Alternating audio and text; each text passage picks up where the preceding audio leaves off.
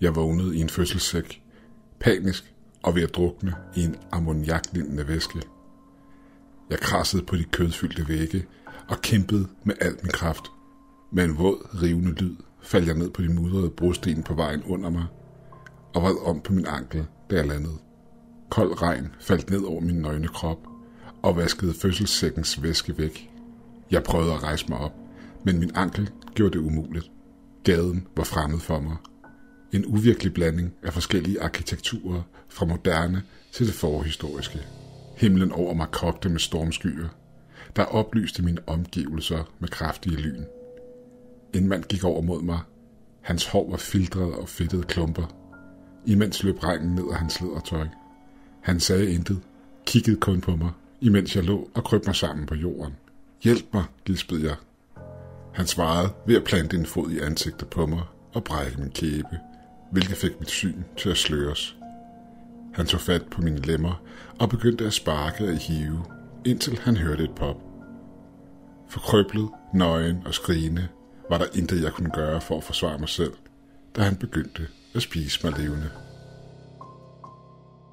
Min introduktion til helvede var ikke unormalt. Meget få mennesker overlevede sjældent den første time, for slet ikke at tale om den første nat. Når man dør i helvede, starter det hele forfra. Man vågner op i en fødselssæk i en anden del af byen. Med tiden lærer du hurtigt at angribe den første person, du støder på. Og hvis du er heldig, dræber man dem inden de dræber dig. Der er regler i helvede. De stærke tager for de svage. Du kan lige så godt vente til det. Og hvis du er heldig, så overlever du måske efter livet. Jeg vil prøve at give dig en hjælpende hånd. Se det her som en overlevelsesguide til helvede. Jeg gør det ikke ud af min medmenneskelighed, eller fordi jeg er en godhjertet person. Når du dør, så skylder du mig en tjeneste. Prøv ikke at finde mig. Jeg garanterer dig, at vi møder hinanden på et tidspunkt. Evigheden er lang tid, så det er ikke et spørgsmål om måske, men et spørgsmål om, hvornår vi mødes. Gør som jeg fortæller dig, så har du måske en bedre chance for at overleve dit møde med den mørke afgrund. Nogle mennesker sværger på, de ser et lys for enden af tunnelen, når de dør. Efter min mening har de mennesker nogle vilde hallucinationer. Eller også lyver de.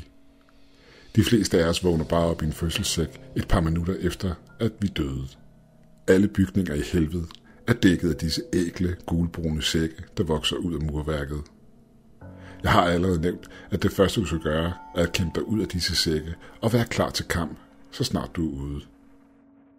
Det er desværre ikke alle, der har styrken til at kæmpe sig ud af sækkens kødfyldte skal. Du har nemlig den krop, du havde få minutter før din død. Så lad os sige, at du er født med et voldsomt handicap, eller måske døde du i en meget ung alder. Surt for dig.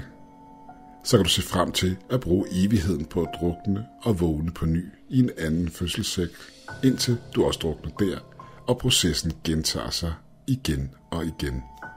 Hvis det lykkes dig at bryde fri, så spild ikke tiden på at undre dig over, hvad der er sket og hvor du er. Kom på fødderne og vær klar til kamp. Chancerne for, at den første person, du møder, er sulten, er stor.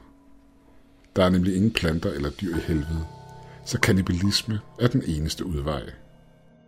Medmindre du selvfølgelig hellere vil dø af sult og vågne på ny i en af sættene, for så at starte forfra.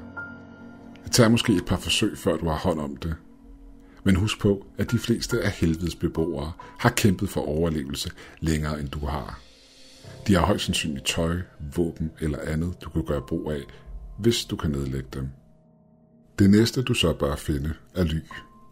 Det stopper aldrig med at regne i helvede, og forfrysninger er en skidt måde at dø på. Heldigvis har du en række forskellige bygninger at vælge ud fra. Måske du kunne tænke dig en mansion fra den viktorianske æra, eller en egyptisk jordhytte. Hvis mennesket har bygget det, findes der en faldefærdig version af det her. Vælg en bygning, dræb beboerne og flyt ind. De bedste huse er dem, hvor der følger metalstumper og træ med. De ting er ikke bare gode til at lave våben af. De er også vitale for at få rent drikkevand. Det lærte jeg på den hårde måde. Helvedes regn er fyldt med bakterier og forfærdelige sygdomme, så det skal koges, før det kan drikkes. Så det, at du har ting til at få et bål op at køre og noget at koge vand i, er vigtigt. Men vi har nu dræbt vores første mand og fundet et hjem. Tingene går godt. Kommer du så langt, vil du selvfølgelig gøre alt for at beholde disse ting for evigt. Men det kommer ikke til at ske, for før eller siden er der nogen, der dræber dig, og du bliver nødt til at starte forfra. Min egen rekord er et år. Og hvis du ønsker at prøve at slå den, bør du kende helvede og dens beboere. Menneskerne, der bor i helvede, kan inddeles i to kategorier. De første er det, vi kalder frisk kød. Det er dem, der lige er kravlet ud af fødselssækken. Det er dræb eller blive dræbt, når det handler om frisk kød, og det har det altid været. De vil dræbe dig for at få fingre i dine våben og dit tøj. Den anden kategori er beboerne. De ser på de nyankomne som et nemt mål for at få fingre i kød, ben og hud. Beboerne har det selvfølgelig nemmere end de nyankomne, og vil kæmpe alt, hvad de kan for at bibeholde deres position. Tag fejl. Beboerne kæmper også indbyrdes, lige så meget som de kæmper mod de nyankomne. Hvis du er kvinde, så må du hurtigt komme over alt, hvad der har med voldtægt at gøre. Kvinder bliver nemlig voldtaget meget mere, end mænd gør i helvede, og det er en fakt. Så med mindre du er bodybuilder-typen, eller en kvindelig kriger, så er det smarteste, du kan gøre, er at prostituere dig selv for beskyttelse. Selvrespekt holder dig i live hernede i helvede. Kan du huske, jeg snakkede om, at du har den krop, du dør i? Det faktum er kernen i hele helvedes samfundsopbygning. Sandheden er, at der igennem hele menneskets historie har det været mænd, der drog krig og døde. Det betyder, at der i helvede er en masse unge mænd med stærke kroppe trænet til krig. Kan du ikke lide det? Bare ærgerligt. Det er de fyre, der sidder på toppen. Så hvis du ikke kan kæmpe imod dem, så gør klogt i at gøre, som det siger. Hvis du lever længe nok og kæmper godt, bliver du måske inviteret med i en af helvedes stammer. Disse stammer er grupper af mennesker, der har slået sig sammen for sikkerheds skyld. Tro mig, det bliver nemmere at overleve, når du tilhører en stamme. Husk dog på, du kun er en del af en stamme, så længe du lever. Bliver du dræbt, er du tilbage ved start, som frisk kød. Stammerne er nok det tætteste på, at du kommer på et civiliseret samfund i helvede. Hvis du er en del af en stamme, har du andre mennesker på din side, der sikkert ikke vil dræbe dig. Med mindre stammen møder modgang. Det lyder ikke af meget, men det bliver ikke bedre. Min egen overlevelsesrekord var takket være en stamme. Livet var godt et stykke tid. Vi havde omkring 50 soldater og en masse piger. Ingen kunne røre os, og folkene i stammen levede efter en æreskodex, der gjorde, at nervøsiteten omkring det at blive stukket i hoved og ryg ikke var til stede. Jeg kunne have brugt evigheden i komfort. Desværre har helvede en tendens til at fuck det hele op for en. Menneskekød og regnvand er ikke, hvad man vil kalde en balanceret diæt. Og før eller senere dør selv den stærkeste af fejlernæring. Jeg overlevede et år på det, selvom de sidste måneder var et smertehelvede. Hvis jeg troede på Gud, ville jeg sværge på, at han havde designet helvede sådan, at ingen blev på toppen for længe. De fleste fordømte bor i byen Des, Byen i helvede. Det er der, alle bliver genfødt i sækkene, og tager man byens størrelse samt ens korte livsforventning, er der mange mennesker, der bruger evigheden uden at sætte en fod uden for byen. Så tag imod mit råd. Forlad ikke byen. Livet er hårdt på gaden, men stol på mig, når jeg siger, at det bliver meget værre, hvis du prøver at forlade den. Dis er omkranset af en kæmpestor ørken, der hedder Gehanna. Ved første øjekast ser den ikke ud af meget. Bare et tomt og øde landskab, der strækker sig ud i evigheden. Men en gang imellem taber de fordømte kampgejsten og viljen til at overleve og begiver sig ud i ørkenen. De fleste af dem kommer aldrig tilbage. Jeg gik for lang tid siden selv turen. Jeg er ligeglad med, hvor hård du tror, du er. Når du har brugt nok tid i helvede, begynder det at knække dig. Jeg siger ikke, at jeg er en god person og ikke fortjener det her. Ingen kan sige det uden at lyve. Men jeg var ikke ond. Eller det var jeg det mindste ikke, før jeg kom hertil. Du myrder, voldtager og torturerer, fordi du ved, at det vil gøre det samme mod dig, hvis de fik chancen. Du myrder, voldtager og torturerer, fordi de ved, at du vil gøre det samme mod dem. Giv det tid nok, og på et tidspunkt ønsker du ikke at blive konfronteret med det mere. Det er der, du bevæger dig ud i Gehanna. De første kilometer ventede specielt, og regnen stoppede efter et stykke tid. Sandet under fødderne gav plads for en grå aske, og jeg så mit første glimt af helvedes himmel.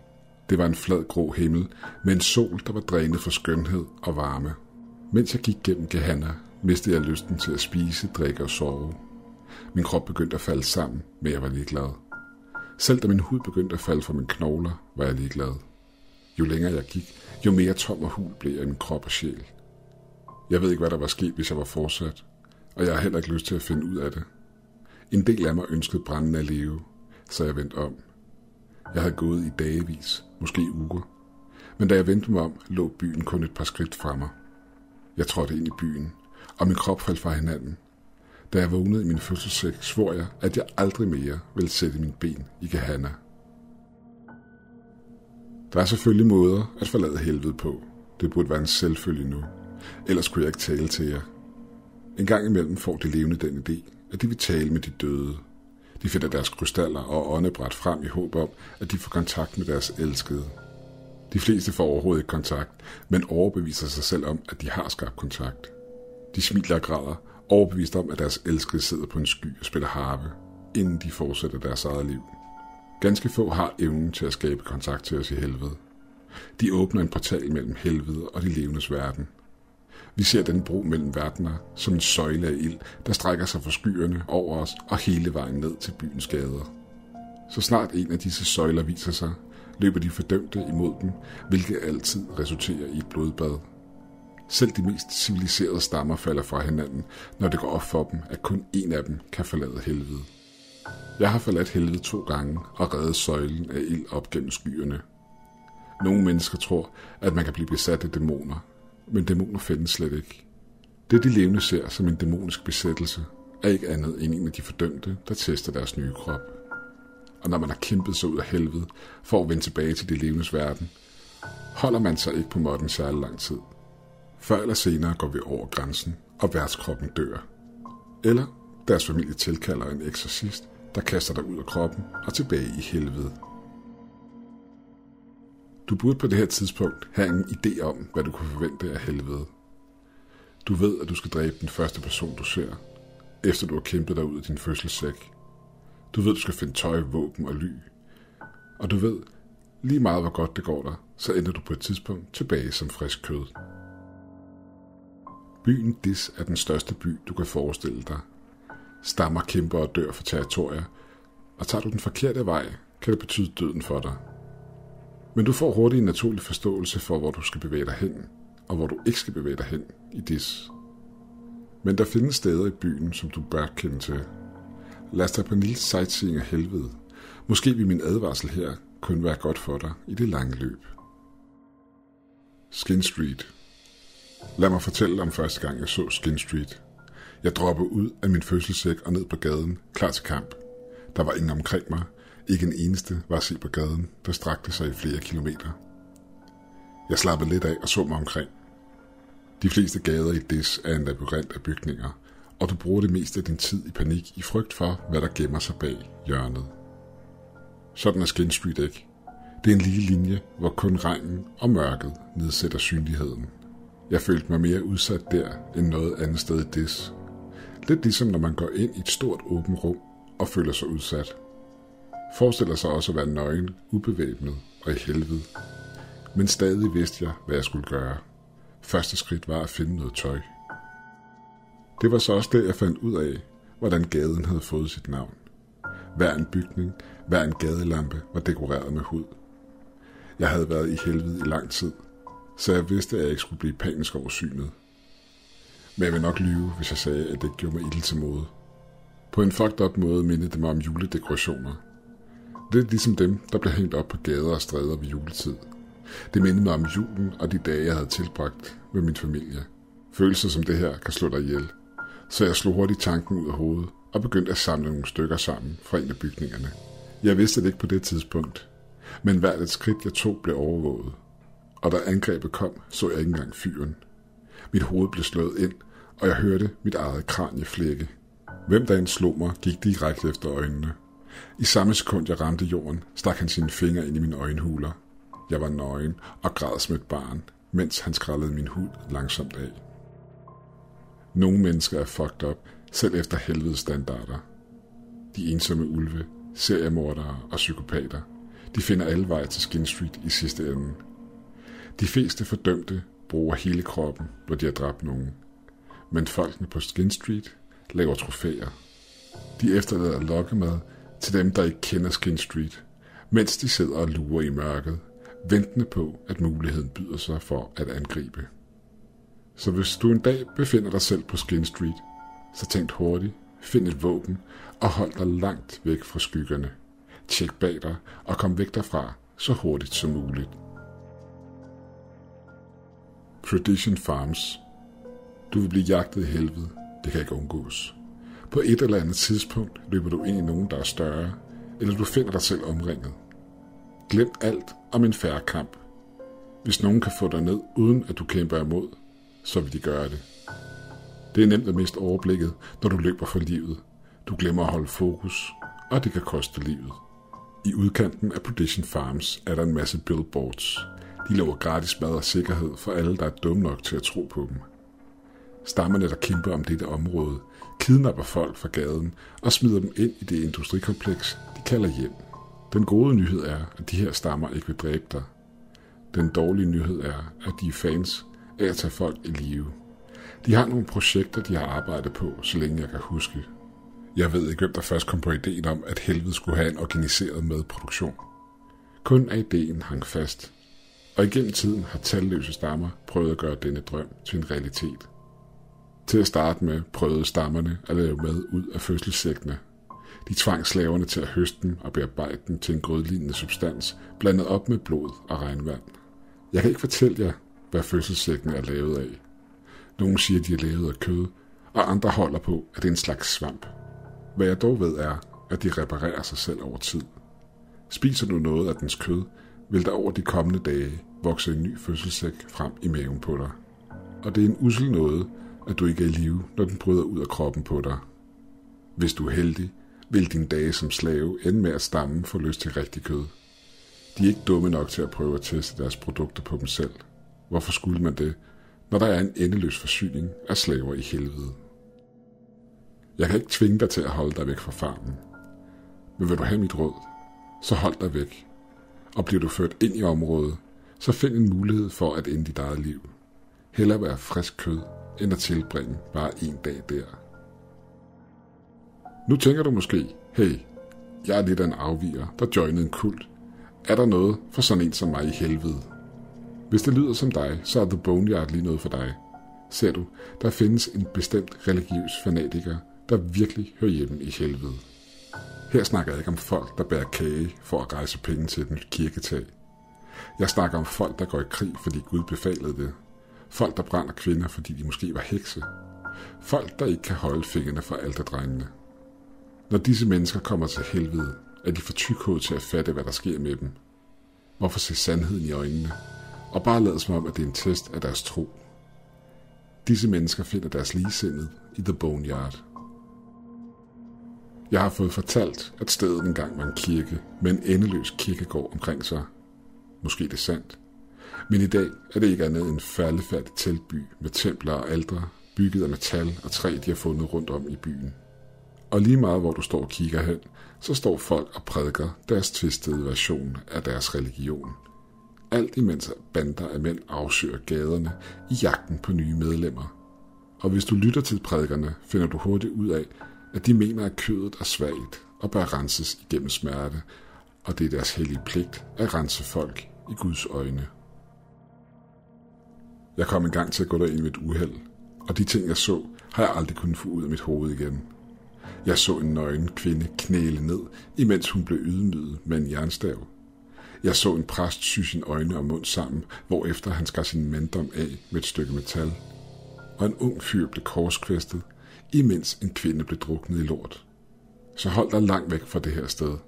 Folkene der har åbenbart besluttet, at helvede ikke er helvede nok for dem. Glem alt om tilgivelse. Glem alt om Gud.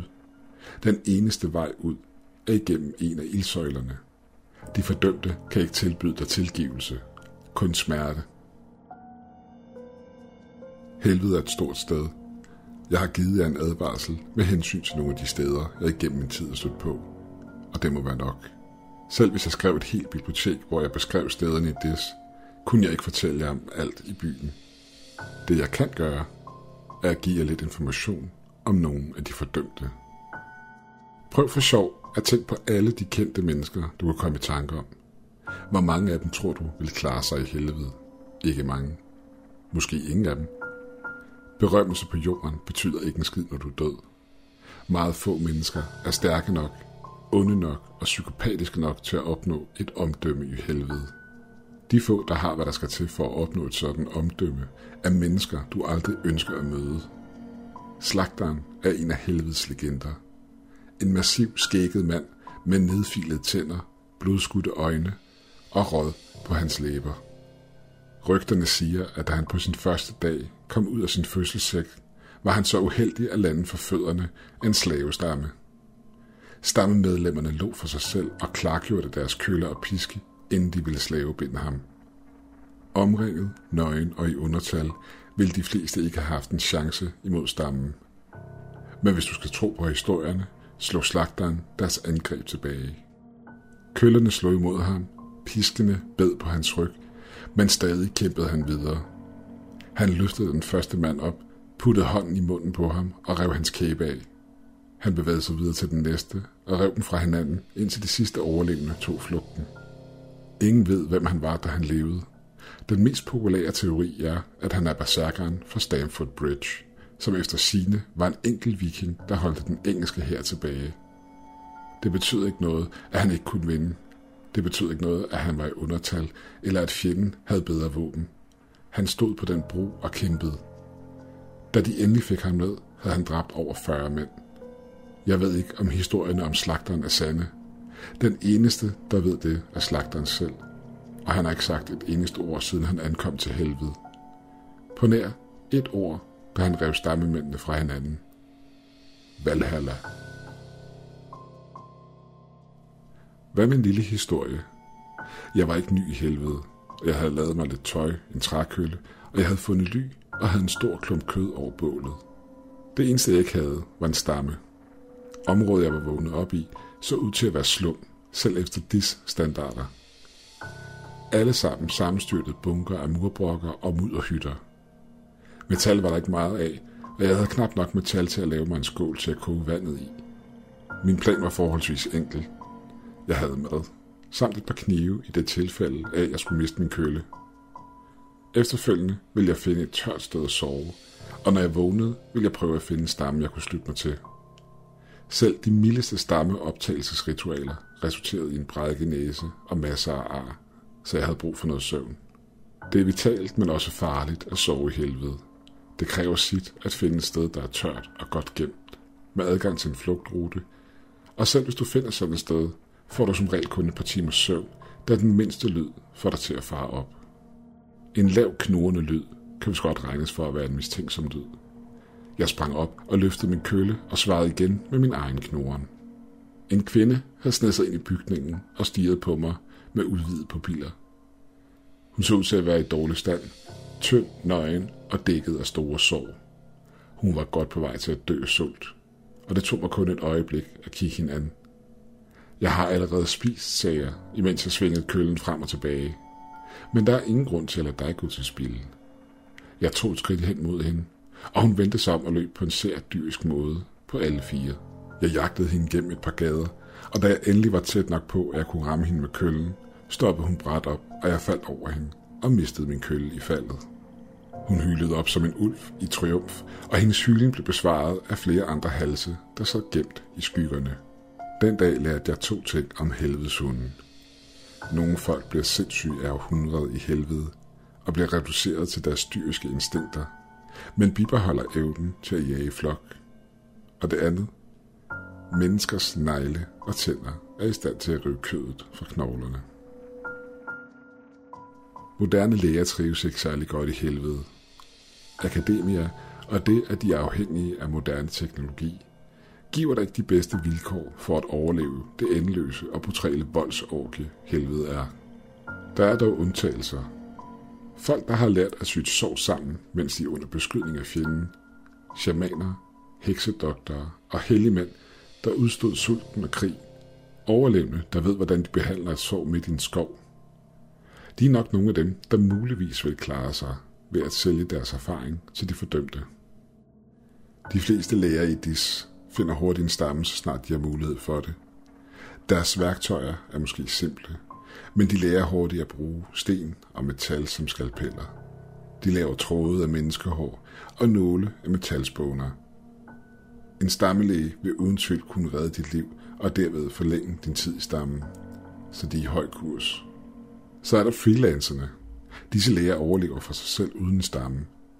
De laver sig selv en uniform, og teorien er, at de fordømte vil genkende dem, da de alle sammen ligner hinanden. Lægernes tøjmåde har ændret sig meget over tiden. Jeg har fået fortalt, at freelancerne engang bar hovedbeklædninger og halskæder og knogler. I dag er det vist den venetianske doktordragt, der er på mode. Du ved den med fuglemasken. Freelancer er en sjældenhed. Faktisk meget sjælden. Du vil se tusindvis af fordømte for hver eneste freelancer, du møder på din vej. Men når du så møder en, så vær fucking forsigtig. For det første får læger ikke et fripas til helvede. De fordømte er mere tilbøjelige til at angribe dem, end de er til at forhandle sig til deres tøj, værktøjer eller service. Du kan heller ikke være sikker på, at manden i fuglemasken er læge, eller bare en, der vil dræbe dig, mens du ligger svag og ukampdygtig på operationsbordet. Hvis det viser sig, at det er en rigtig læge, er der ingen undskyldninger for at sænke paraden. Freelance-læger er ikke kendt for at være de mest stabile personer. Ofte er de sadistiske psykopater. Måske lapper de dig sammen og sender dig ud af døren. Det kan også være, at de er mere interesserede i at sy dig sammen med en anden person. Men så igen, det kan også bare være en seriemorder, der ikke har fundet vejen til Skin Street endnu. Freelancer er ikke risikoen værd. Cambions er de sidste, jeg vil snakke om. Og lad mig være ærlig. Jeg ved ikke, om Campions findes. Det, jeg vil til at fortælle dig nu, er noget, jeg har fået fortalt. Det er op til dig, om du vil tro på det eller ej. For mit eget vedkommende, så håber jeg fandme ikke, de findes. Der er som sagt meget voldtægt i helvede. Den gode nyhed, hvis man kan kalde det det, er, at de fordømte mænd skyder med blankt. Der er næsten ingen graviditeter. Jeg siger næsten ingen, fordi hvis du skal tro på historierne, er der en minimal chance for, at nogen af svømmerne finder et æg. Bare lige for at sætte det hele i perspektiv. Vi snakker om en gravid kvinde, der overlever ni måneder i helvede. Vi snakker den perfekte storm, og det er slå oddsene her. Men igen, det her det er evigheden. En abe, der slår på et keyboard, vil på et tidspunkt have produceret Shakespeares samlede værker, hvis den havde evigheden til det. Resultatet af den perfekte storm er en campion. Et barn undfanget og født i helvede. Jeg siger ikke, de findes. Jeg siger, jeg har mødt en, der har fortalt mig, han har set en. Men denne kampbjørn lignede et almindeligt barn. Den græd, sked og lå ved morens bryst, ligesom en ganske almindelig baby. Moren var en del af stammen, som havde beskyttet hende igennem graviditeten. Måske ud af nysgerrighed. Og da den blev født, samlede hele stammen sig for at se barnet.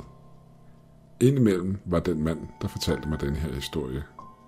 Manden løftede barnet op til sit ansigt for at se, om der var nogen lighed. Det samme gjorde resten af mændene, da alle havde været sammen med moren. Men en kampion ligner et barn, bortset fra dens øjne, der er vidt åbne og ikke lukkede som et normalt barn. Men vidt åbne som en dukkes øjne.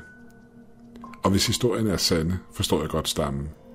En skabning som denne her bør ikke eksistere.